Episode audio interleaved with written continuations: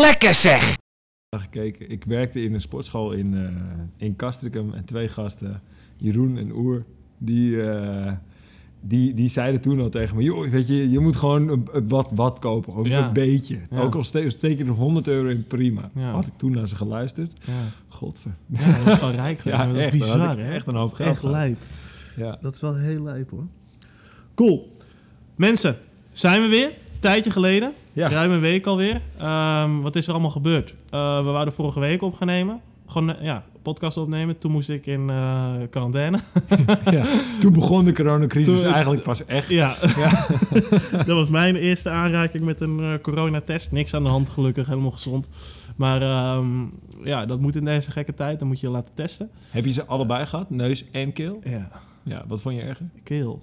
Keel? Ja, Ja, ik- ik, ook. Ja, Ja? echt, ja. Ik By keek far. zo op tegen die in mijn neus. Mhm. Ik vond de hele test sowieso wel meevallen. Ik, het was minder erg dan ik had verwacht. Want ik had echt verwacht dat het vreselijk zou zijn, zeg maar. Die in de neus vond ik naar, die kreeg ik als, als eerste. Toen ging dat ding mijn keel in. Ja. Ik reigerde bijna over die gozer. Ja. Niet normaal. Die gozer zei bij mij van... ehm, ja, het kan zijn dat je een beetje gaat kokhalzen. Dat is alleen maar goed, want dan kan ik er beter bij. ik dacht, Oh, ja, lekker. top. Ja. Nee, ik vond die in mijn keel vond ik heel eh, nou, dit moet ik niet zeggen. Nee, dat gaan we We zijn live al, hè? Ja, We zijn ja. live. Dus, eh nou ja, ik vond de test heel erg meevallen. Maar die, die eh, in mijn keel vond ik wel naar, inderdaad. Terwijl ik had verwacht dat die in mijn neus erger zou zijn. Ja, daar had ik, had ik weinig moeite mee. Ja, ik, ik, mijn oog begon een beetje te tranen. Maar dat was prima, zeg maar. Ja. Dat was, ik vond dat niet heel erg of zo. Maar we zijn er weer. We zijn er weer, dus dat hebben we gehad. Toen eh, in het weekend konden we niet opnemen, want toen hadden we sneeuwstorm in Nederland voor de eerste keer in eh, weet ik veel hoeveel tientallen jaren. 83 jaar inderdaad. Ja. Dus eh, toen konden we niet hierheen Ja, komen. ze hebben de Elfstedentocht hier op de Amstel al georganiseerd. Ja, Alternatief. alternatieve Elfstedentocht. Zwemmend. er ligt geen ijs nou. Achteruit. Achteruit. Dus ehm, nu zitten we hier, we hebben net les gegeven. We zitten bij Amstel binnen. Koud. Gewoon echt koud. Het is Het- 5 graden. Het is hier binnen 5 graden. De We zitten koelkast doet het niet, want het is te koud. het is buiten de koelkast. Kouder dan in de koelkast. We hebben allebei twee broeken aan, warme schoenen, eh, drie truien en een winterjas. Ik heb een geheimpje voor je. Je hebt gewoon drie broeken aan. Drie broeken. Dat weet je niet. Hij heeft echt gewoon drie broeken aan. Wat een gast. Dus eh, nee, we hebben heel wat over voor de podcast. Maar ehm, vorige keer hebben we het natuurlijk over ehm, bovenlichaam Ja. gehad. Best wel een lang gesprek gehad daarover. Ja, was leuk. was een leuk gesprek. Ehm, zijn er dingen die jij daar, heb je aan de hand van dingen die je hebt gehoord van mensen, die, eh, dat je denkt van ik wil iets, weet ik veel, verduidelijken of anders zeggen? Of... Nou, ik... ik Of toevoegen, Nee, kan niet, ook. niet per se, niet per se. Maar ik vraag me wel af of, eh, of, of degene die ernaar geluisterd hebben en die dan, of dat ze dachten van, hé hey, ja, met, met de tips die ik, die ik nu heb gehad, of ik dat, dat je er ook daadwerkelijk wat mee kan. Of dat je nu denkt van, ja, weet je, doop dat je dat hebt gezegd, maar ik weet niet zo goed hoe ik het nou moet toepassen. Mhm. En, en daarnaast, we hadden dan even gezegd van... hey, kijk eens of je de langzaamste pull-up kan doen. Ik heb nog niemand gezien, dus eh, smeerlappen. Als je nou vragen hebt over die podcast, dan kan je Art vinden op eh, Instagram, artsmit. At art underscore smit, Oké. denk ik. Dus eh, ja, gewoon vragen stellen, denk ik. Want dan Ja, kunnen we dat ook er weer in de volgende podcast eh, eventjes eh, op terugkomen. Ja. Ehm, goed, nee, ik, wat dat betreft kunnen we, wat mij betreft, die podcast ook laten wat het is. En dan gaan we gewoon lekker door met onderlichaam. Bij bovenlichaam was het eigenlijk vrij duidelijk dat we het over het algemeen over schouder, schouderblessures hadden.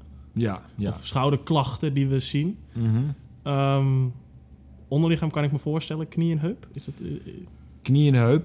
En met, met crossfit echt knie en heup. En als je de, de rug erbij neemt bij het onderlichaam, dan, dan onderrug. Eh, maar ja, knie is, is de grootste daarin. ja. En daarna komt dan de heup erachteraan. En ja, dat, dat, maar dat zijn wel de twee grootste. Ja. En waar komen die klachten vandaan, denk je? Ehm, nou ja, de, de meeste klachten die komen vanuit een, een verandering in belasting. Dus mensen die net beginnen met crossfitten, die heel veel boxjumps gaan doen. ehm, die misschien met een techniek die niet zo goed bij de persoon zelf past, gaan, eh, bezig gaan. Hé, wat leuk. Sebastian van Vliet. Sebastian de Vliet. Bas de Vliet. Nee. Eh, ja, dus dat, ze- dat ze eigenlijk misschien wel ehm, gaan bewegen op een manier die niet heel veel te maken heeft met de anatomie of de manier waarop zij zelf zouden kunnen bewegen. Dus, dus tegen hun natuur in. Ja. En ehm, dus als we het voor het gemak even mogen zeggen, hè, als je nou echt, nou echt naar die knie kijkt, kijkt en we, we halen even de spieren weg en alleen de botstructuren, dan heb je dus de, de meniscus in die knie. En daar willen nog wel eens. eh, dat gaat nog niet lukken. Sorry mensen. Bas eh, de Vliet die probeert er binnen te komen. Bas Vliet. Ootjes. Praat ondertussen door. Eh, waar was ik? Jezus man, ik ben zo snel Knie afgeleid. en meniscus. Ja, knie en meniscus. Ja, dat, inderdaad. dat was de deur. Ehm, ja, en, en ehm, die meniscus, dat is nogmaals, dat is ook weer een structuur die kan gewoon ongelooflijk veel hebben. En mensen die denken vaak van, oh jee, ik moet ons enorm oppassen, want anders val ik ineens uit elkaar. Nee, dat is gewoon niet waar. Eh, daarnaast, op het moment dat jij eh 100 man van de straat afplukt en we doen bij die 100 man een MRI, dan zie je waarschijnlijk op een, een 70% zie je wel wat, wat problemen rondom Zoveel? die meniscus. Ja, ja dat, daar mag je echt wel van uitgaan. En dat betekent dus niet dat, eh, dat, dat wat jij ziet op die MRI, dat het ook daadwerkelijk te maken heeft met wat voor klachten jij ziet bij jezelf. Iemand kan ongelooflijk oud worden zonder klachten te hebben. Ja. En die, die meniscus die kan gerafeld zijn, versleten, weet ik het wat. Ja. Ehm, Hey, en in het begin zei je van dat, de, dat, dat ze dan meer gaan belasten dan, of dat mensen meer gaan belasten dan waar ze gewend aan zijn. ja. Is dat het stukje belastingbelastbaarheid, zeg maar, wat je vaak hoort? Het stukje belastingbelastbaarheid is, is een beetje, dat, dat zie je dat als een weegschaal. En aan de ene kant heb je de belasting die iemand heeft. En op het moment dat jij niks doet, dan is de belasting dus nul. En is je belastbaarheid daarin dus eigenlijk ook nul. En die twee die moeten met elkaar groeien. Dus je belasting kan wel omhoog gaan, maar gooi je die belasting ineens omhoog, ja, je kan die, die, die weegschaal inzien, ja, die- dan zakt uiteindelijk, eh, of ja, dat, dat raakt uit balans. Dus dat is iets dat moet langzaam en over tijd steeds beter worden. Maar het is niet zo dat als je niet beweegt, dat je dan geen belastbaarheid hebt per se. toch? Nee, absoluut niet. Nee, natuurlijk niet. Daarom zei ik net ook, daar- daar begon ik dan wel mee. Van hé, hey, ja, weet je, we zijn mensen, we kunnen ongelooflijk veel aan, we kunnen ongelooflijk veel hebben. Maar iemand die nog nooit met gewicht op zijn nek gesquat heeft en die ineens op zoek gaat naar een 1RM, Ja. ja, dat is wel een recept voor een, eh, voor, eh, voor, voor een, een blessure of een probleem. Oké. Ja. Ehm, stel je nou voor, hey, je gaat eerst eens aan de slag met een goede air squat. En op het moment dat die goede air squat erin zit, dan heb je waarschijnlijk al duizend, duizend of duizenden herhalingen Mm. gedaan voordat je er überhaupt een keer wat lading op gaat gooien. En zeg je dan van, hé hey, oké, weet je, dit heb ik, die basis heb ik qua bewegen. Dan is op dat moment mijn belastbaarheid dus ook al een stuk hoger geworden. Ja, snap ik. En als je dus, dus het is eigenlijk die afweging tussen hè, hoeveel belast je en hoe belastbaar ben je.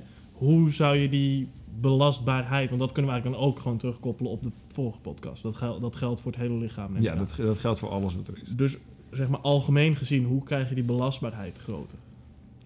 Kom trainen.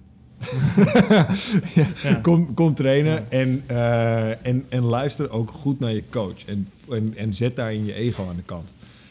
Eh, dat, dat hoor je vaker. Volgens mij is het ook, als ik even kijk naar alle, rego, eh, alle regels hier op de muur. Weet jij de eh, mobilisregels niet uit je hoofd? Eh, ja, daarom kijk ik er nu even snel naar. Daarom staan ze toch ook op de muur. Anders hadden ze gewoon de eerste keer in een mailtje naar iemand toegestuurd. Lars weet het allemaal uit zijn hoofd volgens mij. Lars, noem ze eens op. Wat is nummer 9? Nee, oh, kijken! Oh, smeerlap. Vals gespeeld. Ongelooflijk. Nee, maar laat je, laat je ego thuis. Dus als we aan het begin... Of we hebben een keer een, eh, een strength workout... waarin je op zoek gaat naar je 1RM, eh 1RM squat. Laat het even makkelijk houden. En, en je hoort al van je coach van... joh, weet je, moet je luisteren... Heb je nog niet heel veel gesquat of heb je nog moeite met een goede zware squat uitvoeren? Doe er dan vijf of acht in plaats van die ene. Dat is iets wat we wel heel vaak zeggen ook Ja, in inderdaad, In, ja. in WOTS. Van, als mensen nieuw zijn bijvoorbeeld dan, en we hebben een 1RM in de les, dan krijg je heel vaak te horen van doe maar drietjes of vijfjes. Omdat Ja. je dan gewoon even de tijd hebt om wat aan je techniek te werken ook. Precies, maar dan kijk je naar, naar, naar iedereen die hier binnen staat. En ook al ben je al twee of drie jaar aan het... eh, laat ik het anders zeggen. Hoe vaak doe jij een echte 1RM squat? Zelden. De laatste keer was eind december. En dat, als ik dat twee of drie keer per jaar doe, dan is dat veel. Precies. En ik denk dat, dat, dat een hoop mensen daar eigenlijk de fout in gaan. Dat ze denken van, hé, hey, weet je, ik moet elke keer naar die echte 1RM gaan. En eh, volgens mij hebben we daar vorige keer over gehad. En toen hadden we het even over die versnellingen. Ja. Van, hey, je, moet ook een keer net iets minder gaan. Of, en even of een stukje aanvoelen van, hey, wat kan ik vandaag aan? Wat kan mijn lichaam vandaag aan?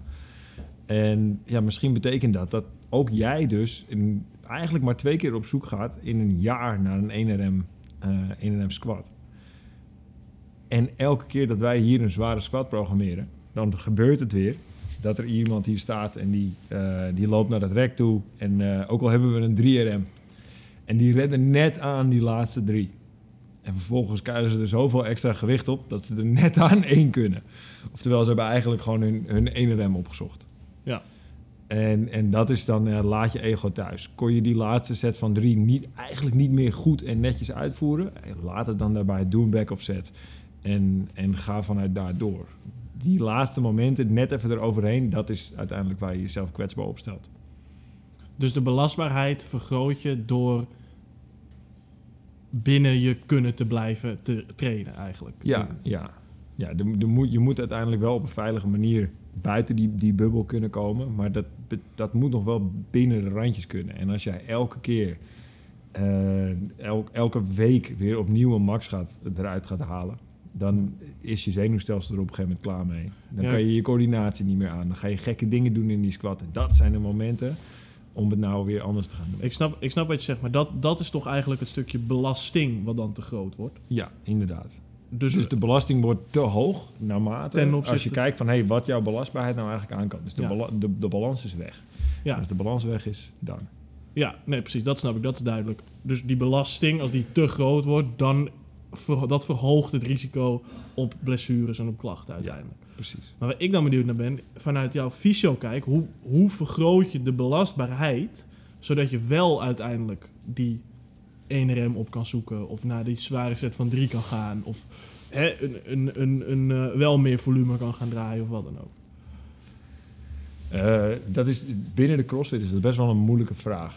Ehm, en dat, dat komt eigenlijk vanuit de, de aard van, van, van de sport. En hoe we dat nu proberen, of hier proberen te doen, is dat we zoveel mogelijk proberen te variëren. En daarom is het moeilijk om goed geprogrammeerd ehm, uiteindelijk naar die nieuwe 1RM toe te gaan. Of naar dat, hal, dat halfjaarlijke moment waar je die 1RM nou test. Stel je voor, je hebt een programmering van, eh, van 26 weken. En je eindigt op die 26e week op die, die ene zware squat.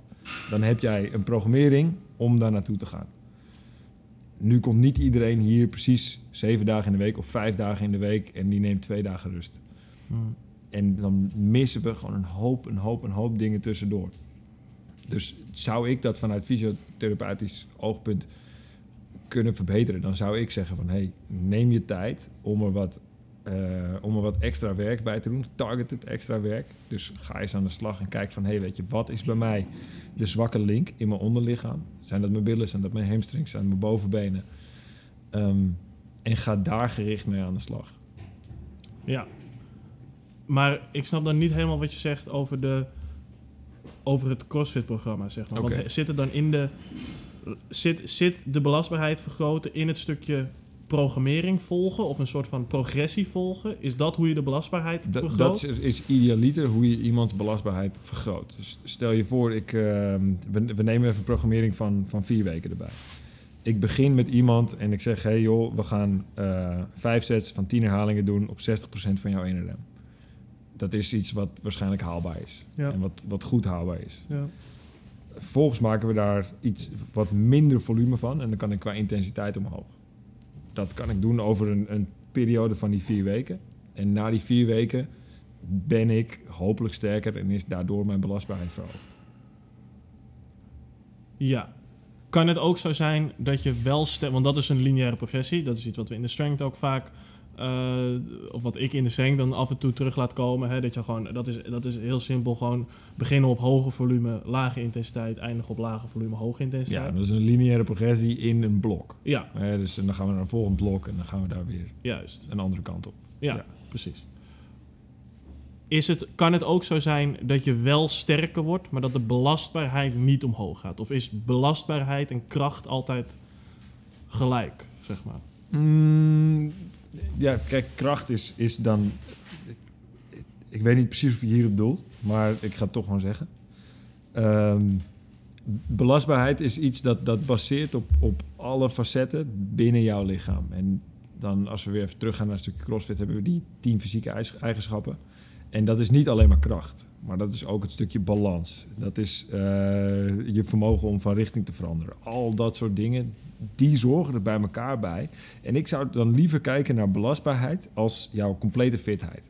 Ja, In plaats van dat je zegt van, hé, hey, dat is mijn kracht of dat is mijn X. Iemand, een, powerlifter die fantastisch goed kan squatten, ja, die is niet ineens mega belastbaar. Want als je tegen hem zegt, hey, ga eens vijf kilometer lopen. Dan is hij belastbaar op het gebied van zijn squat. juist. Maar op andere manieren niet. Dus kijken we crossfitten specifiek. Je belastbaarheid verhogen. Heeft te maken met, met alle facetten van die. Ja, dus belastbaarheid en dus ook belasting is ook specifiek, zeg maar. Dus, is in dit geval ook dus, specifiek. je kan, dus ja. je kan binnen een bepaald onderdeel heel belastbaar zijn en binnen een ander onderdeel Mhm. helemaal niet. Ja. Dat klinkt wel logisch. En dat, dat, is, dat is ook eh, wat ik bijvoorbeeld zelf merk als ik heel veel krachttraining doe en ik ga, ik ga dat, dan wissel ik dat om en ga ik ineens meer hardlopen. Dat, is dan een, dat kan een klap zijn op je lichaam, zeg maar. Dat voel je in je... Ja, en ineens zeggen je knieën van, hé, hey, wat gebeurt hier? Ja, juist. Maar ehm, stel nou dat die powerlifter, hè, die wel veel ervaring heeft met eh squatten en die veel heeft gesquat, en het is niet een blessure door een trauma, dus het is niet zo dat ineens Mhm. onderin iets scheurt en dat is zijn blessure. Precies. Maar stel nou dat die wel geblesseerd raakt door het squatten. Dan mist daar alsnog een stukje belastbaarheid. Terwijl Dan is daar alsnog een stukje belastbaarheid. Ja. Waar komt dat dan door, zeg maar? Waar komt dat dan door? Dan ga je eigenlijk kijken naar hey, hoe is, is de balans in iemands lichaam. Of in ieder geval, stel je voor, hè, deze powerlifter Ja. die, die komt bij mij als, eh, als, als cliënt. En die zegt, joh, ik was aan het squatten en eh, de volgende dag had ik ineens last. Het was geen trauma, eigenlijk nergens last van gehad. Dan gaan we toch eens vragen van, hey, weet je, in jouw trainingsprogramma is er iets veranderd in volume? Is er iets veranderd in, eh, in techniek? Is er, iets is er überhaupt iets veranderd op het moment, of een week of twee of drie weken voordat jij last kreeg? Ja. En stel je voor diegene die zegt, ja, ik ben met een andere coach gaan squatten en eh, we zijn op een hele andere manier verder gegaan. Op een hele andere manier, op een andere manier verder gegaan. Ja, En ja, toen, eh, nou, nou, op een gegeven moment, ja, drie weken later, toen begon ik eigenlijk een beetje last te krijgen van, eh, van die heup. Of misschien wel een, een dag later begon ik wat last te krijgen van die heup. ja, Diegene die, heeft zijn, die, die is er dus van uitgegaan dat die belastbaarheid die hij had op de, de techniek waarmee hij squatte. Nee, stel je voor, het is iemand die komt 200 kilo squatten. Die gaat op een andere manier squatten. ja, En die gaat gelijk op 200 kilo, op, op zijn projected max van, van 200 kilo gaat die door. ja. Dat gaat niet goed. Nee. Nee, maar dat is wel iets wat, wat bijzonder vaak gebeurt. En dan, Dat Ja. mensen op een andere manier gaan squatten? ja, nee, niet zozeer dat mensen op een andere manier gaan squatten, maar dat mensen op, op een andere, of ja, dat mensen op een andere manier gaan squatten. En dat ze nog steeds denken van, hé, hey, oké, die max die ik had, dat, hè, dat nummer, dat is hetgene wat ik nog steeds in mijn hoofd heb. En op die percentages werk ik door. Ja, maar dan gaan we weer een beetje naar de specificiteit van de belastbaarheid. zeg maar. Mhm. Want dan wordt het een andere beweging. Dus dan wordt het squat 1 versus squat 2. En dat zou je dan bijna kunnen zien als eh, squat 1 versus hardlopen, bij spreken. Want dat zijn gewoon andere bewegingen. Er zal Ja. natuurlijk meer carryover zijn tussen squat 1 en squat 2 ten opzichte van squat 1 naar hardlopen. Precies. Maar wat ik meer bedoel, stel nou dat je blijft bij squat 1. Ja, en er komt een blessure. En er komt er dus en er- en je, je, zei, je noemde net in het begin al heel eventjes inbalansen, zeg maar. ja, oké. Dus wat, wat bedoel je daarmee? Kan je dat meer uitleggen? Want ik denk Ja, dat dat heel, heel interessant is. Ja, ik, ik, aan de ene kant vind ik het een heel moeilijk woord. En niet zozeer een moeilijk woord, maar ik vind het meer dat het is van... hey, weet je, het is een, eh, het is een thema waar, waar niet iedereen het helemaal over eens is. Het Oké. stukje inbalans. En dat, dat komt er eigenlijk een beetje vandaan van... hey, ja, eh, iedereen is nou eenmaal gewoon anders. Ja. En als jij net even anders bent, dan eh, heb je ook een andere soort massa nodig. Maar je kan er wel over spreken van, hé hey, ja, inderdaad een inbalans. Iemand zijn heup is niet in balans. De, je, je rotatie in je heup werkt niet helemaal goed. Eh, dat kan door allerlei factoren komen. En dat zijn waarschijnlijk ook dingen die je niet eens in je dagelijks leven echt door hebt. En dan blijf je doorbewegen en dan gooi je er... Maar dat heeft ook weer alles te maken met een stukje belastbaarheid. Juist. Want je belastbaarheid gaat uiteindelijk naar beneden omdat jij... eh, omdat de balans in je lichaam op dat moment er even niet is. Dus de controle Ja. over jouw eigen beweging is er niet. Maar je hebt dat niet door. En dan ga je squatten en in je, in je warming-up voel je eigenlijk al een beetje... eh, pinch in je heup of weet ik het wat. Je gaat toch door en eh, in de volgende dag word je wakker. Nee, dat was niet lekker. Mhm. Nee, inderdaad. Dan ga je daar verder mee aan. Of in ieder geval, dan kom je dus uiteindelijk bij een fysio aan. Hé, hey, het voelt niet lekker. Ik ging daarna nog een keer squatten en daar ging het echt niet goed. Bedoel je dat meer? Ja. Ja. Ja, absoluut. Ja, dan ga je dus meer kijken van... Hé, hey, laten we eens, eens, eens hands-on gaan kijken binnen jouw lichaam. Van hé, hey, waar, waar ligt de balans voor jou? Ben jij heupdominant? Ben jij, ben jij kniedominant? Ben jij meer, werk je meer vanuit je quadriceps? Merk je meer vanuit je hamstrings? Merk je Hmm. meer vanuit je gluteaalmusculatuur? Ehm, en hoe doe je dat nou eigenlijk? Dus dan ga je samen met iemand kijken naar de techniek van, eh, van die squat. Die twee die, die horen bij elkaar. Ja. Dus je kan Ehm. eigenlijk, eh, eh, dan vat ik je heel even samen. Ja? Eigenlijk is dus je, je inbalansen, zeg maar, dat geeft een soort van plafond aan je belastbaarheid. En wil je dus je belastbaarheid dan nog groter maken, dan zou je die inbalans eigenlijk een soort van op moeten lossen. Ja, dat vind ik heel mooi gezegd. Ja, en daar sluit ik ook bij aan. Oké, Ja, duidelijk. ja het, ehm, net zoals je techniek Ja, geeft jou, eh, jouw structuur in je lichaam Juist. ook een plafond aan je performance. precies. Ja. Ehm, dus stel je voor, ehm, ik, ik heb een juiste, een, juiste een, een verhouding die voor mij werkt vanuit mijn hamstring en vanuit mijn quadriceps. En ik kan dat allebei aanspreken tijdens een squat. Dan Mhm. kan ik uiteindelijk, theoretisch gezien, en qua plafond veel meer bereiken. En, voor iedereen een plafond, dan hebben we het even over hoe ver jij in, in optimale omstandigheden na optimale training kan komen. ja, hoe dicht je bij uiteindelijk jouw potentie kan Ja, komen, precies. zeg maar, Ja. er in je lichaam zit. Ja. Ehm, Dus die inbalansen die, die je dan... Hè, je, je ziet dus inbalans, je had het net al een klein beetje over hamstring, quadricep, gluteus. Als je dan kijkt, en ik weet dat het lastig is om te generaliseren, want iedereen is anders, helemaal met dit soort ingewikkelde bewegingen, denk ik. Maar wat zie jij veel in CrossFit specifiek? Ik zie heel veel mensen die enorm eh quadriceps dominant zijn. Dus eh, bovenbenen die, die, die heel veel van het werk overnemen. En ik denk dat jij dat ook als, als coach best wel kan, kan beamen. Dat als je mensen ziet squatten, dan is het eh, vrij veel voorkomend dat je iemand bijna helemaal op zijn tenen ziet staan onderin een squat. Daar vanuit ook vol gas naar boven toe, toe rossen. Ja, als coach en ook als atleet. Want ik heb dat zelf. Ik heb, ik heb zelf ook Ja, de neiging om onwijs naar voren te schuiven. Zeg. maar. Precies, Ik kan ja. ook onwijs kniedominant zijn. Voor mij is dat echt een dingetje ook. Ja, en dan, ja, inderdaad. En dan, dan zie je eigenlijk, dan, dan, dan kan je er al lichtelijk van uitgaan van... hé, hey, diegene die doet veel meer met zijn quadriceps dan dat hij vanuit zijn hamstring doet. En het, het is aan het begin ook moeilijk dat als jij altijd vanuit je quadriceps hebt bewogen... en ineens ga je dat met, met een hamstring oplossen, zo'n probleem eigenlijk voor je lichaam. Dan, hè, wat gebeurt er nou? Eh, de volgende dag heb je gruwelijke spierpijn. Ja. Kan ik uit de eigen ervaring ook wel, eh, ook wel zeggen. ja. Ik heb ook heel veel met mijn, met mijn bovenbenen gesquat. Nu ben ik dat, probeer ik dat zelf ook wat meer naar mijn, naar mijn hamstrings toe te werken. Ik vind het ongelooflijk moeilijk. Maar laatst heb ik toevallig, afgelopen zondag heb ik de workout gedaan. Hm. Eh, er zaten 250 air squats in. en dat waren alleen air squats. ja. Maar god, mijn hamstrings.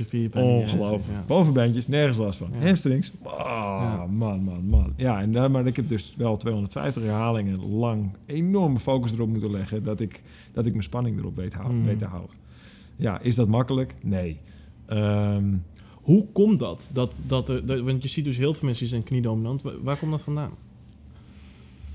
Ehm, waar komt dat vandaan? Ja, we, we, we squatten heel veel. Want, we, Ehm. want in de light gelijk al coachen we er wel altijd op om naar achter. Je heup gaat eerst naar achter en dan, Mhm. dan breek je knieën pas, zeg maar. Ja, ik heb daar nooit echt heel goed over nagedacht, moet ik heel eerlijk zeggen, waar dat Nou nou ja, eigenlijk vandaan komt. Nee, ik, dat, misschien is daar Ehm. ook helemaal geen antwoord op. Maar ik was gewoon benieuwd of jij daar een idee over had, zeg maar, wat, wat dat is. Is dat iets wat mensen sowieso veel hebben? Of is dat iets wat Ik komt... wil er nu wel even over brainstormen, dat vind ik altijd leuk. Ja, nee, maar dat, eh, dat kunnen we doen. Ja, maar dat is dus niet op feiten gebaseerd. Dat is meer wat ik, wat ik, eh, wat ik, nou, wat ik nou zou denken. En ehm, ja, ik, goed. eh, als, ik, als ik het zo even uit de hoge hoed moet, moet toveren, dan zou ik denken dat iedereen veel meer gevoel heeft, veel meer gevoel heeft op de, op de, de bal van zijn voet. En dat als jij, als stel je voor je springt, dan heb je altijd het idee dat je wegspringt van de bal van je voet. En dan proberen we altijd, ook in de Olympic lifts, te coachen van hey, probeer van je hele voet weg te, weg te springen en pas op het laatste moment daar weg te gaan. Mm. Maar je natuurlijke instinct is nog altijd om je enkelgewricht te, te gebruiken om ook de volledige explosie eruit te krijgen. Ja. Ehm, en als je dan eens, eens gaat kijken naar, naar menselijke beweging, en nogmaals, hè, dit is, is, is ei- even uit de lucht gegrepen, dus, dus pin me hier qua feiten alsjeblieft niet op vast. Ehm, maar als je kijkt naar de mens en waar we dan vandaan komen, is het het meeste wat je, wat je altijd gedaan hebt, is, eh, als je naar duizenden jaren terugkijkt, is rennen, eh, een stukje sprinten, misschien moest je een keer wat zwaars optillen. Mhm. Maar eigenlijk, alle, het- waar, je, waar je benen voor zijn, is, is, is spullen van A naar B tillen. Ja. En die ene keer dat je even dat wat, wat zwaardere steen moet optillen, daarna liep je er ook een stuk mee. Weet Ja. je, dat. Ehm, dat zorgt ervoor, dus hey, weet je, op het moment dat je dat aan het doen bent en je loopt constant naar voren, dan gebruik je daarin veel meer je hamstrings. Nu ineens gaan we heel veel meer alleen maar squatten en van boven naar beneden bewegen op twee benen. Mhm. Dan probeer ik nog steeds naar, naar de voorkant van die voet toe te gaan om naar voren te kunnen bewegen. En als mijn intentie altijd naar voren is. Ja, ik dan zou ik zegt. denken van, hé ja, weet je, dan, eh, dan ben ik daar ook met mijn quadriceps mee bezig. Het is pure hypothese, zo uit de lucht genomen. Ja, ik snap wel wat je, wat je zegt. Je zegt dus eigenlijk dat je... Eigenlijk zeg je dat je altijd gewend bent om naar voren te bewegen. Dus met een, vanuit je benen, dus met een squat, Ja, neem je dat eigenlijk automatisch over. Ja dus als, jouw als, jouw als jouw idee naar voren is, hè, op het moment dat jij een squat mist, en je, of in ieder geval dat jij een squat mist, dan weet jij, ik gooi die bar naar achter. Mhm. als je een beginner een squat ziet missen, die raken in paniek. Die willen dat ding naar voren toe gooien en dan moet die ineens over je hoofd heen. Mhm.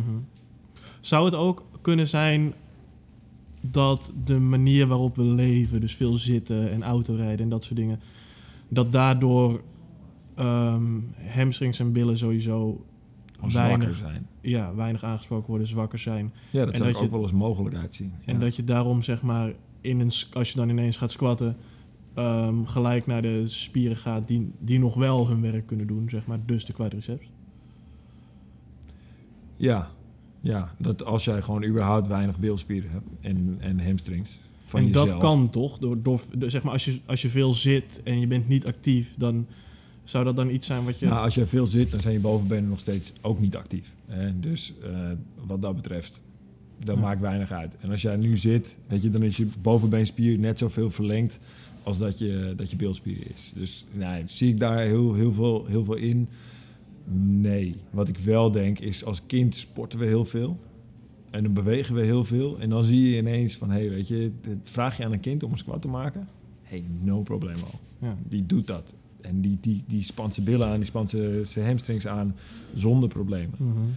Volwassenen die al een tijdje lang achter het bureau vastzit, die, eh, ja, die heeft daar moeite mee. ja. En, en misschien heeft het ook wel met een stukje, een stukje mobiliteit te maken. Want als jij nooit meer in die diepe squat komt, ja, dan ga je op zoek naar een manier om toch in die diepe squat te, te, te komen.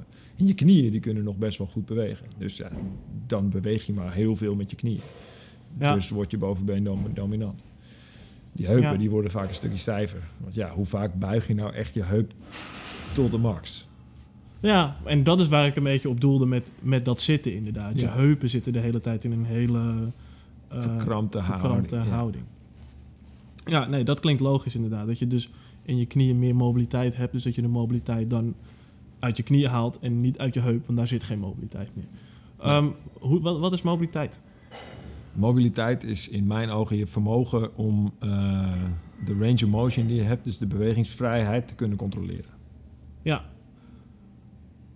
Dus ehm, is dat dan, zeg maar, is iemand, dus eh, maak jij onderscheid tussen bijvoorbeeld flexibiliteit en mobiliteit? Is dat anders voor jou? Ja, op mobiliteit zou je in, in, in, op een hele makkelijke manier kunnen zien als jouw actieve flexibiliteit. Ja. Ik kan jouw been pakken en ik kan hem, als ik heel hard doorduw, met je tenen je oren aanraken. Ah, dan moet je bij mij echt Ja. heel hard doorduwen. Ja, precies. Maar vraag ik aan jou om dat zelf te doen, Ja, dan gaat dat je nooit lukken. nee. Ehm, ben je dan zo mobiel of ben je dan zo flexibel? Ja. En ik denk dat daar het verschil in ligt. Ja. Ehm, Dus uiteindelijk aan flexibiliteit, met, als er gewicht bij komt kijken, of eigenlijk ook als er lichaamsgewicht bij komt kijken, dus ook met een airsquat, heb je niet zo Mhm. heel veel aan flexibiliteit. Dan gaat het eigenlijk puur om mobiliteit. Dan gaat het eigenlijk puur om mobiliteit. En dan zie je zelfs dat mensen die heel flexibel zijn en, eh, en die, die daar, en dan zou ik nog tegen iemand kunnen zeggen, hey, dat ligt meer aan je mobiliteit. En, en die, iemand die vat er dan op, maar moet je, ik kan ongelooflijk goed bewegen. Ja, je, je, je bent prachtig, je kan ongelooflijk goed bewegen. Je kan het alleen niet controleren. Ja. En dan, eh, als je, je ziet het soms wel eens met mensen die komen dan in de light en die missen gewoon nog de controle om, om, eh, om hun lichaam rechtop te houden als ze onder in die squat zitten. Terwijl, ehm, terwijl als, je ze, als je daarin goed coacht en je zegt, hey, oké, borstje naar voren, buikspiertjes aanspannen, dan ineens hebben ze een prachtige squat. Ze zitten er af en toe tussen en dan denk je, holy shit. Dan Mhm. gooi je er 10 kilo bovenop, dus stort dat hele gebouw in elkaar Ja. ja, dan, dan mist daar een stukje, een stukje mobiliteit en kracht over een bepaalde range of motion. Ja.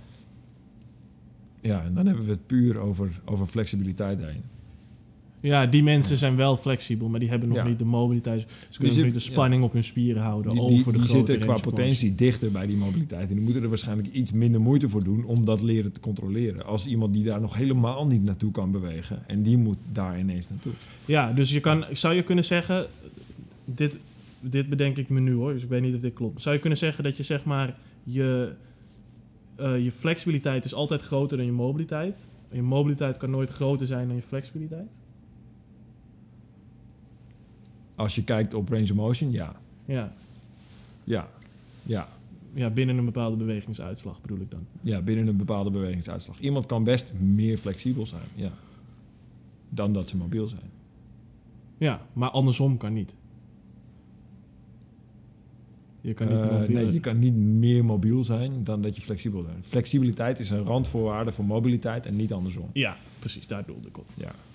Oké, dus, als je dan, dus dan hebben we een beetje, hè, wat, je, wat we dus, denk ik, en daar ben ik het wel mee eens als ik naar de lessen kijk naar eh, mezelf ook, is dat die mobiliteit rondom de heup, hè, dus dat kan een hamstring of het kan een stukje... eh, Dat kan ook gewoon een kapsel zijn van het gewricht zelf. Hè? Dat, eh, Ja. dat zien we ook. Of, of zie je ook bij best wel veel mensen. Als je heel lang niet echt in die bewegingsuitslag bent geweest. En mhm.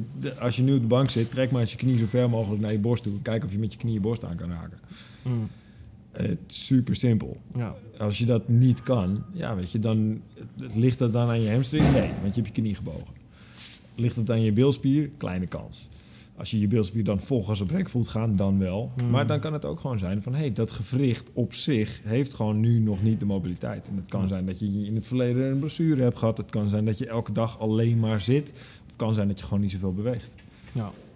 Ja, Oké, dus, we, dus je ziet veel mensen hier rondlopen die kniedominant squatten. Nou ja, daar ben ik er één van. En ik, ik ben het daar mee eens dat dat, dat dat inderdaad iets is wat je eh, relatief vaak ziet. Zijn er meer typische dingen die je ziet? Ehm, typische dingen die ik zie. Ehm, ja, om, niet, om het niet. Het is lastig om te, generaliseren. Ja, een, be- een beetje technisch mag op zich wel. Maar eh, ik snap dat het lastig is om te generaliseren. Maar ik denk dat je nu een heel duidelijk verhaal hebt over wat het allemaal is. En dan wil ik kijken of, het, of, het, of we toch een paar praktische dingen uit kunnen halen voor de mensen die luisteren. Zeg maar. En daarvoor wil ik dan weten welke specifieke dingen jij ziet bij mensen. Zoals kniedominant squatten. Ja, kniedominant squatten. En wat je heel veel ziet bij mensen is dat ze relatief weinig eh, inwaartse rotatie, dus eh, interne In rotatie van heup. hun, van hun heupgewricht hebben. En waar zie je dat terug, die interne rotatie? Eh, dat heeft ook weer met het stukje squat te maken. Als je echt kijkt naar een diepe squat, Onderin is. dan, dan moet daar, dat, en dat, het klinkt een, be- een beetje raar. Iedereen die denkt, ik, maar ik moet mijn knieën toch enorm naar buiten duwen. Dat, daar hebben we het volgende aflevering wel een keer over. Ja. Ehm, maar als jouw knieën op de juiste plek zitten, in een squat. En, ehm, als, je, als je het leuk vindt, pak er even een fotootje bij van, eh, van een Chinese gewichtheffer. Die, die met een snatch een gewicht boven zijn hoofd heeft. Ja. En kijk maar eens waar die knieën zijn ten opzichte van de voeten en ten opzichte van de heupen. En ga er dan eens van uit van hey, hoe diep moet zo'n heupbot nou draaien om in die positie te kunnen komen. Want die, die draaiing die kan niet uit die knie komen. Dat, dat, dat bestaat niet. Dan Nee. gaat de knie echt kapot. En als iemand die die interne rotatie in zijn heup dus niet heeft, dan is het moeilijk om diep te komen in die squat. Oké. Ehm, en dat is, is, is een vrij veel voorkomend thema. Met, met niet alleen crossfitters, maar eigenlijk heel veel mensen die, eh, die op straat lopen of die hier voor de eerste keer de, de deur inkomen. En, en waar dat mee te maken heeft, dat weet ik niet. Waar dat precies vandaan komt. Nee. Ehm, nee, dus interne rotatie, ja, ja, eens en snap ik. Wat ik zelf vaak ook nog zie, is een ehm, matige of compleet ontbrekende hinge. ja. je gewoon het onvermogen om je heupen te gebruiken. Dat, eh, ja. Ja, dus een, Ja. Een, een, een heupkanteling die, de, die, die niet aanwezig is. Ja, ja. En eh, kan kan je dat... Zou je dat samen kunnen koppelen aan een kniedominante squat? Zou ja, daaraan zeker, kunnen zeker. liggen? Als jij je heupen gewoon niet kan bewegen, dan ga je op zoek naar een uitweg. En je lichaam is ongelooflijk slim. Dus dat lichaam dat zegt van, hé, weet je, oké, mijn knieën die kan ik buigen. Top, gaan we die knieën toch lekker buigen. Ja. Dan, ja, dan, Dus eh, ook voor een squat heb je een stukje hinge nodig. Zeker, Ja. ja, ja. Eh, het is moeilijk om een beweging te vinden die alleen maar kniedominant is. Ja, En, ja eh, kom je op een machine uit. En, eh, kom je op een machine uit of eh, weet ik het wat, eh, reverse Nordic curl, of eh, maak het zo gek als je wil. Eh, maar niet, niet heel functioneel, zeg maar. Nee, En je hebt best wel een, een, het- maar tot op zekere mate heeft elke hinge een stukje knie nodig. En een stukje, Ja. en, en een, een kniebeweging heeft ook een stukje hinge nodig. Om er uiteindelijk, uiteindelijk in te komen. Kijk maar, hè, squat bestempelen wij als de, de, de, de kniebuiging. Hè, in het Nederlands noemen we het letterlijk een kniebuiging. Kniebuiging, ja. Ehm, terwijl als je helemaal onderin je squat zit, dan heb je ook volledige, een volledige hinge. Maak je. En dat is dus vaak de beperkende factor. Ja. ja. De kniebuiging zelf is vaak niet de beperkende factor. Kan ik dat zo zeggen? Ik- De, de- bij, bij, bij 99% van de mensen die je hier op- bij mij op de bank legt, daar, die knie die kan buigen, behalve als er echt een probleem is. Precies, dus als, Ja. ik, als de knie het probleem is, dan is er vaak iets stuk, zeg Ja, maar. precies. En, en er zitten gewoon rondom de heup zitten vaker imbalansen, waardoor het... Ja, dat, dat, dat heeft ook te maken met, met, als je kijkt naar het kniegewricht op zich, dat is een scharniergewricht. Weet je, Simpele gewricht. Ja, inderdaad. En als je nou kijkt toevallig naar de hamstrings, die kunnen die, die knie nog, eh, nog een stukje eh, roteren, maar dat is, dat is, is minimaal. Minimaal, ja. En kijk je naar een heup, daar zit een partij spier omheen. Eh, Of in ieder geval partij verschillende spieren die er allemaal voor zorgen dat dat, dat, dat kogelgewricht, dat kan natuurlijk 3D bewegen. Dat kan letterlijk alle kanten op. Ja. En dat maakt het natuurlijk ook veel eh, vatbaarder voor, voor een stukje inbalans. Ja, dus dan, als ik er dan zo over nadenk, dan die, die, die, die mobiliteit in de heup die er dus nodig is, dat, dat, kan, dat zou dus een stukje mobiliteit in de hamstrings kunnen zijn. Misschien een stukje eh, aansturing in de bilspieren. Ja, ik denk dan, dan aansturing, die, laat ik het zo zeggen, aansturing en flexibiliteit zijn de twee randvoorwaarden die ik heb voor mobiliteit. Mobiliteit. Ja, Ja. Dus, dus mobiliteit in je bilspieren. Mobiliteit in je, in je bilspieren, maar mm, ja, dus eh, mo- als je de, de, de kern van mobiliteit neemt, het vermogen om je bilspier gewoon aan te spannen. En, eh, en ik denk dan, als je het nog specifieker maakt, het vermogen om je bilspier aangespannen te houden terwijl die verlengt. Juist. Dat is eigenlijk mobiliteit. Ja. Ja. ja, dat is dus over een hele range of motion controle kunnen houden. Juist. En dan denken mensen van, hé, weet je, nou, oké, als ik mijn heup dus buig, stel je voor, ik trek mijn knieën naar me toe. Als ik dat kan, terwijl dat ik mijn bil aangespannen hou, En dan ben je echt een heel eind. Ja. En dan hebben we een enorme mooie basis gelegd om, ehm, om, om beter te worden in bewegen en om jezelf een kans te geven, een vruchtbare bodem voor een, een, een bles- blessurevrij lichaam. Mhm. Ja, om dat te creëren. Moet ik even nadenken over wat ik net gezegd heb. Nee, dat, klopt, het klopt wat je zegt. Dus je, we, we kijken dus, hè, om uiteindelijk gezond te bewegen, is die mobiliteit in de... Vooral dus, denk ik, maar dan moet je gewoon even zeggen of dat klopt, hamstring en bil aan de onderkant van je heup heel belangrijk.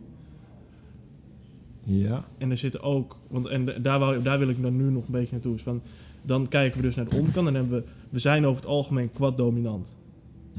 Dus dat is dan generaliserend niet waar de inbalans ligt. De inbalans ligt vaker richting de achterkant van het been. Ja, dus ja, de- dat kan je zien en dat noemen we dus een mooie QH-ratio. Dus quadriceps en je hamstring, Ja. QH.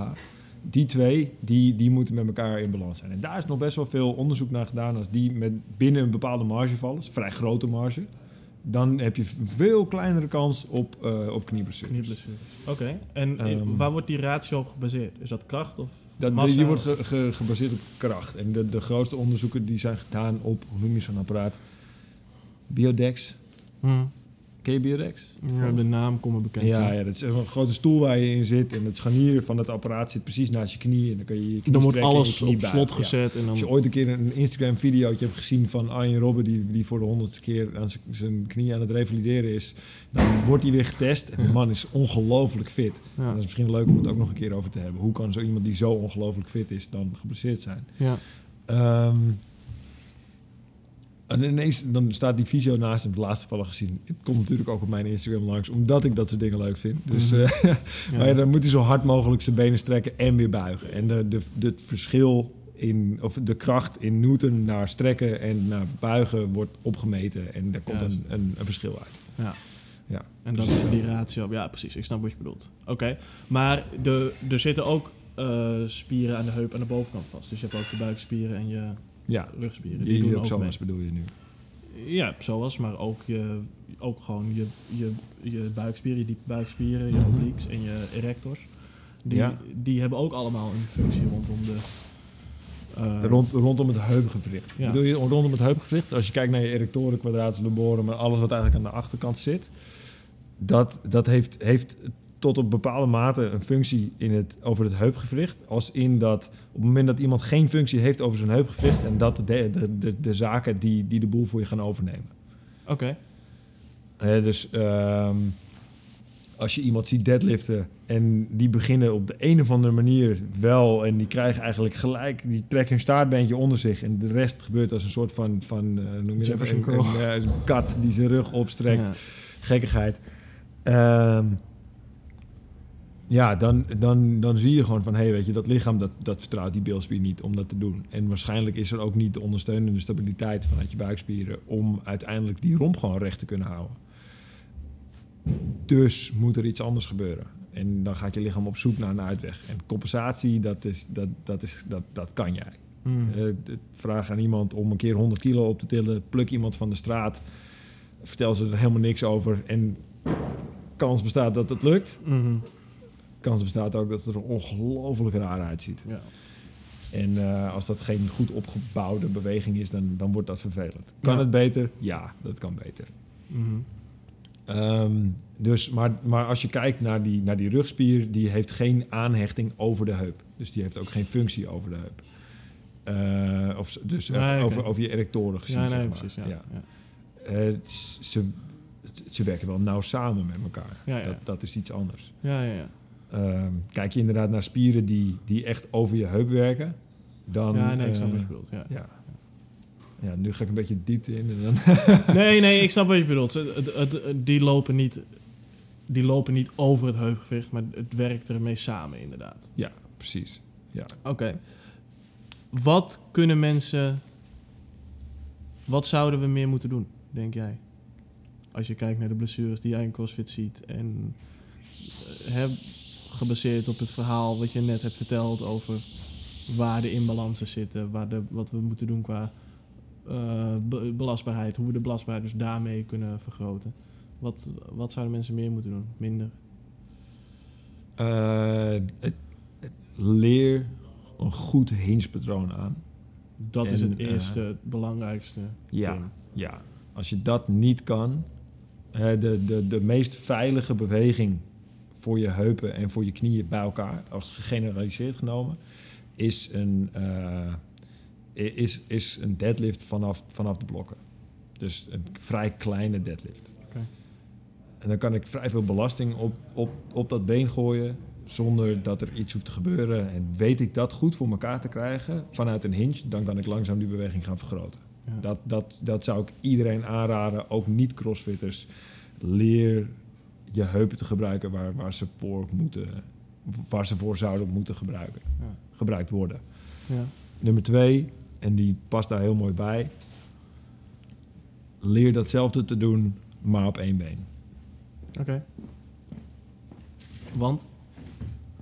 Eh, als je gaat kijken naar dat, dat stukje, eh, stukje inbalans, op één been moet je lichaam op zoek naar een goede manier om te kunnen bewegen. Of een goede manier om te kunnen bewegen. Op één been eh, heb je weinig kans om die hinge slechter uit te voeren. Dus een grotere kans om hem beter uit te voeren. Waarom? Op het moment dat je het op één been doet, stel je voor, jij, jij gaat nu op één been staan, dan kan je je andere been gebruiken om naar achter te bewegen. En dat zorgt ervoor dat als ik hier ben en ik hou nu toevallig mijn hand omhoog, kan natuurlijk helemaal niemand zien. Kak. ja. Misschien moeten we een video erbij doen. Ja, wie weet moeten we er ook gewoon maar een videootje bij maken. Wie weet, misschien doen we dat als bijlage erbij. Zie Oh ja. bijlage 2. Ehm, op het moment dat je op één been staat, dan kan ik, dan kan ik, iemand, dan kan ik iemands ehm, focus verleggen. En ik kan, als jij op één been staat, zeggen: hey, probeer, als je staat op je linkerbeen, probeer eens met je rechtervoet zo ver mogelijk naar achter te reiken. Ja. Op dat moment doet iemand nagenoeg vanzelf een goede hinge op zijn linkerbeen. Oké. Oké. En dan komen we nog bij het tweede probleem, wat we eerder al, al opnoemden. Van hé, hey, weet je, hamstring en quadriceps dominant, quadriceps dominant. Oké, top. Dan hebben we die hinge om wat meer hamstring dominant te worden. Ehm, dan gaan we dat tweede punt oplossen. En dat is de interne rotatie. En zie je iemand die eenbenige hinge maakt, en dan zie je bijna iedereen, staan nog steeds op het linkerbeen, zie je dat die rechterheup omhoog gaat. Dat is, is puur het vermijden van die interne rotatie kan ik diezelfde, diezelfde hinge op één been maken terwijl ik mijn heupen recht hou, dan is dat al een skill waaruit ik dat stukje mobiliteit kan halen, waaruit ik een, een basis kan leggen om eh, dus randvoorwaarden kan creëren om meer kracht op te gaan bouwen. Een stabiele heupgordel, stabiele knieën. Ehm, ja, op die manier daarin verder te gaan. Is dat helder? Ja, dat lijkt me heel helder. En het is natuurlijk ook een stukje inbalans tussen links en rechts wat je kan hebben. Wat je ook gelijk tackelt als je unilateraal gaat werken. Ja, zeker. Ja. En dat, is, dat, dat, dat zie je bij minder mensen, maar je ziet het zeker wel. eh, dat, dat sommige mensen gewoon, op het moment dat ik op links iemand iets laat optillen, dan, dan voelt dat hartstikke makkelijk. En dan op rechts ineens gebeurt er helemaal niks. Of dan begint hij ineens vanuit die rug te trekken. Of Mhm. ja, dat. Het is, het is een fantastisch diagnostisch middel. Dus om te kijken van, hé, hey, wat is er nou eigenlijk aan de hand? Maar het is qua, qua therapie, en misschien is therapie niet eens het juiste woord, qua, qua krachtopbouw en qua, eh, om het, het een, een stabiel en eh, weerbaar lichaam op te bouwen, is eenbenig werk fantastisch. En dat is ook waarom ik net bij dat stukje, dat argument kwam van, hey, hoe kan het, wat mijn idee was over die, die, die quadriceps dominantie, zeg maar. Hey, weet je, we zijn zo goed in het eenbenig bewegen. Ik heb laatst, deed ik, eh, deed ik reverse lunges met, eh, met, met, een, eh, met een gewicht op mijn schouders. Ik dacht dat ik kapot ging. Ik heb het zo lang niet meer gedaan. En mijn heupen, man. Ongelooflijk. Niet normaal. Zware lunches of Ja, ja, ja. split squats. Ja, zware split squats, zware lunges, zware eenbenige deadlifts. Hè, nogmaals, het gaat niet in één keer zwaar, maar bouw dat rustig op. Dus begin op, een, op iets waar jij je comfortabel bij voelt. En ga daar langzaam aan weer een beetje bovenop plakken. En eh, vanaf daar eigenlijk eh, kan, je, kan je net even dat, dat stapje meer maken. Maar probeer dat aan het begin gecontroleerde stapjes te maken. En steeds kleinere, steeds kleine stapjes. In plaats van dat je eens denkt van, nou, oh, weet je wat, hier ga ik ook even mijn 1RM opzoeken. ja, 1 rem lunch. Au, niet doen jongens, niet doen. Doe het niet. 1RM reverse overhead lunch. Ja. Oké, dus ehm, meer unilateraal werk. Ja, ja dat, dat, dat kwam natuurlijk ook al een beetje in, in, in het bovenlichaam eh, van pas. Minder dan hier, maar hier ja zeker. Unilateraal werk. Eh, meer hinge. En ik weet niet of ik gelijk die, die twee op één weer kan overnemen. Dat weet ik niet zo zeker. Want daar, daar, daar- nee, daar heb ik te weinig om, eh, om daarover na te denken. Maar ik kan me Ja. wel voorstellen dat je... ehm, dat jij, als je leert squatten, terwijl je daar ook je hamstrings en je, en je, en je glutes bij gebruikt, dan, dan ben je één al, al tien keer sterker. Ja. Weer de meer bil, meer beter. Meer, Ja. meer. Ja, dat, dat, dat, dat is iets, daar sta ik achter. Daar sta ik 100% achter. Ja. En ehm, ja, dat. En voor die hinge, dus je had het net eventjes over blockpools. Ik had het over blockpools, omdat Andere- dat, dat, dat, is, dat is wel de manier om, om voor jezelf eerst te ontdekken van... hé, hey, dan kan je makkelijk in een positie komen om daadwerkelijk te doen wat je moet doen. Ja. En als jij gelijk een deadlift vanaf de vloer doet, dan is het best wel het- voor een hoop mensen die misschien die mobiliteit ook missen, moeilijk om in een eindstand van een spier, eh, Ja. in, in een eind, einde van een range of motion, om daar ineens kracht te gaan leveren. Ja. Als je, als je dat nog niet gewend bent, dan is dat heel moeilijk. En daarom is die blockpool eigenlijk zo mooi. Want je kan met veel minder range of motion wel die aanspanning creëren. En dan als iemand al weet van, hé, hey, oh, zo voelt het eigenlijk om een bil aan te, aan te spannen. Dan kan ik dat gevoel meenemen naar een grotere beweging. Ja. Dan maak ik er misschien een kleinere blok van. Of uiteindelijk naar de vloer toe. En door, door, door. Wat voor mij heel erg helpt met mijn hinge altijd, is een, eh, gewoon een hip extension op een GD. Ja. Gewoon qua, qua proprioceptie is dat, vind ik dat een hele lastige in het begin, maar wel een hele goede. Misschien even uitleggen wat proprioceptie is. Ja, de, de, zeg maar de bewustwording van waar je lichaam is in de ruimte, zeg maar. top. Als ik nu niet had geweten, dan was Ja, dat is lullig geweest, hè? Put you on the spot. Ehm, nee, maar ehm, dus en hè, want dan heb je, omdat je dan in, in principe niet met gewicht, ja, je kan het met gewicht doen, maar in principe gewoon met je lichaamsgewicht is dat ook al een zware eh, manier om te hingen. En dan heb je, ja, ik weet niet, dan, dat voelt voor mij alsof je daar, alsof de controle die je hebt daar nog meer getest wordt dan met een deadlift of zo, als je die goed wil uitvoeren. Ja, ja. Het, nu durf ik wel, we- relatief weinig mensen hebben een GHD in hun huiskamer staan. Ja, nee, tuurlijk. Ja, nee, Eh. oké, maar ja, absoluut, absoluut. Ik ken er Ja. één. Nee, daar ben ik, dat, dat, is, dat is zeker waar. Nee, maar Ehm, ja, nee, inderdaad. Als je de mogelijkheid hebt om samen met je, met je coach, die hopelijk verstand van zaken heeft, eh, aan de slag te gaan op een GHD. Om Ja. te leren van, hé, hey, ja, wat, wat moet jouw heup nou doen? Ja. Ja, fantastisch. Ja. Top. Eh, het heet niet voor niks een GHD. Hamstring Glute, developer. glute ham developer. Dus eh, eh, ja, als je, als je de kans hebt om dat te doen. ehm, ik heb dat Dave heel vaak met mensen zien doen en jou ook. En ehm, ja, dat, dat is altijd heerlijk. Mhm. En ehm, het is moeilijk om het in je eentje goed uit te voeren. Er moet iemand, ja precies, dat heb ik in het begin Ja. ook ervaren. Ja. Dan heb je wel echt Puur, nodig puur die, die vanwege dat stukje proprioceptie. Ja. Dus op, je hebt helemaal geen flauw idee wat je aan het bewegen bent. Als je die, die connectie nog niet hebt. Nee. En als je iemand daarnaast hebt staan met verstand van zaken en die kan je net even die aanwijzing geven, dan, en, en je voelt op die GSD wat er moet gebeuren, dan is de transfer naar andere skills vrij goed te doen. Ja. Ja. ja, plus het is echt een helemaal geïsoleerde hinge. Ja, Omdat je, je hebt nul kniebuiging, want je knieën liggen in het slot eigenlijk. ja precies. Met, een, iets- met iets van een blokpool of een Vrouwlijnbelt, water.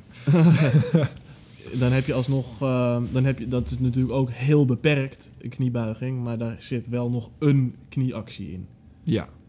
En dan, eh, omdat je je, je, je knieën en je, en je voeten vrijwel op slot zet, hebben mensen aan het begin de neiging om dan hun rug te gaan bewegen. Ja, Om toch maar daar te komen. ja, En uiteindelijk lukt die hinge dan ook wel. Ja. Hè, maar dat is dan een soort van hybride tot, tot in je rug. Maar inderdaad, als je dan voelt van... Hey, hoe kan ik mijn bovenlichaam op slot zetten? En vervolgens met mijn heupen... Gewoon puur alleen je heupen bewegen. ja, ja. Daar, daarvoor is dat denk ik een hele mooie. Ja, ik heb nog wel een mooie uitdaging. Of in ieder geval een uitdaging als je denkt van... hé, hey, hier heb ik moeite mee. Eh, ga eens eh 10 centimeter van de muur staan. En probeer alleen met je billen de muur aan te raken. Doe datzelfde en stap eens 3 centimeter naar voren. Blijf dat stapje herhalen totdat je nog net aan met je billen de muur aan kan raken. En kijk eens hoe ver je kan gaan staan. Dat is een hinge. Ga het zo uitproberen. Oké.